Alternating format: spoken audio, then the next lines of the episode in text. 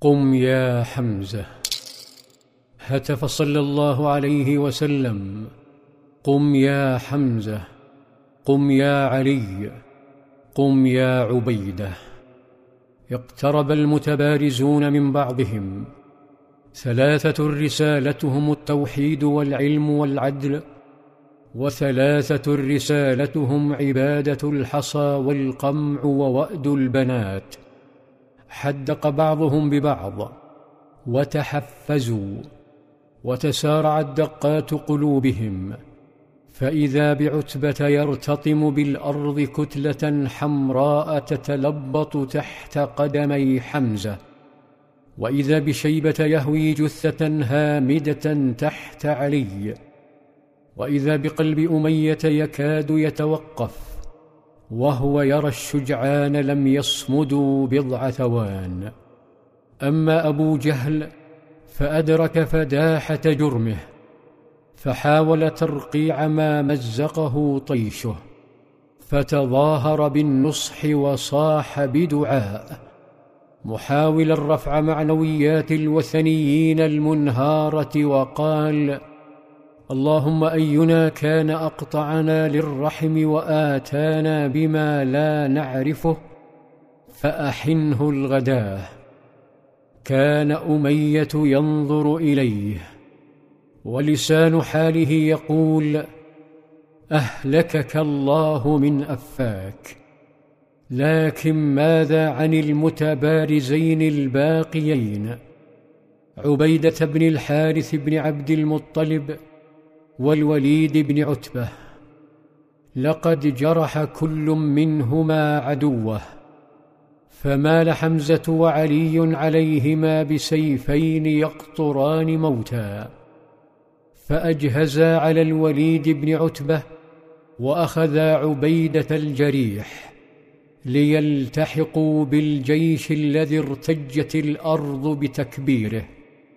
فأجج صلى الله عليه وسلم ذلك التكبير والحماس هاتفا.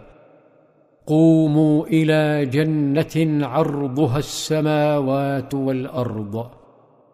سمع أحد الصحابة ذكر الجنة فطار قلبه واتسعت عيناه وهو يتلقى دعوة مفتوحة إلى احتفالاتها. فهتف بنبيه صلى الله عليه وسلم يا رسول الله جنة عرضها السماوات والأرض؟ قال صلى الله عليه وسلم نعم. قال بخ بخ استغرب صلى الله عليه وسلم تلك العبارة وسأله عن سببها. فقال عاشق الجنة لا والله يا رسول الله إلا رجاء أن أكون من أهلها. عندها حجز صلى الله عليه وسلم للرجل في الجنة قصورا وعوالم. قال صلى الله عليه وسلم فإنك من أهلها. ذهل الرجل لا يدري ما يفعل. فقد أصبح من ملاك الجنة وفتيانها الفاتنين تحير من شدة الفرح لا يدري ما يفعل. وكأنه يسأل نفسه ما الذي أفعله هنا؟ فأنا من أهل الجنة.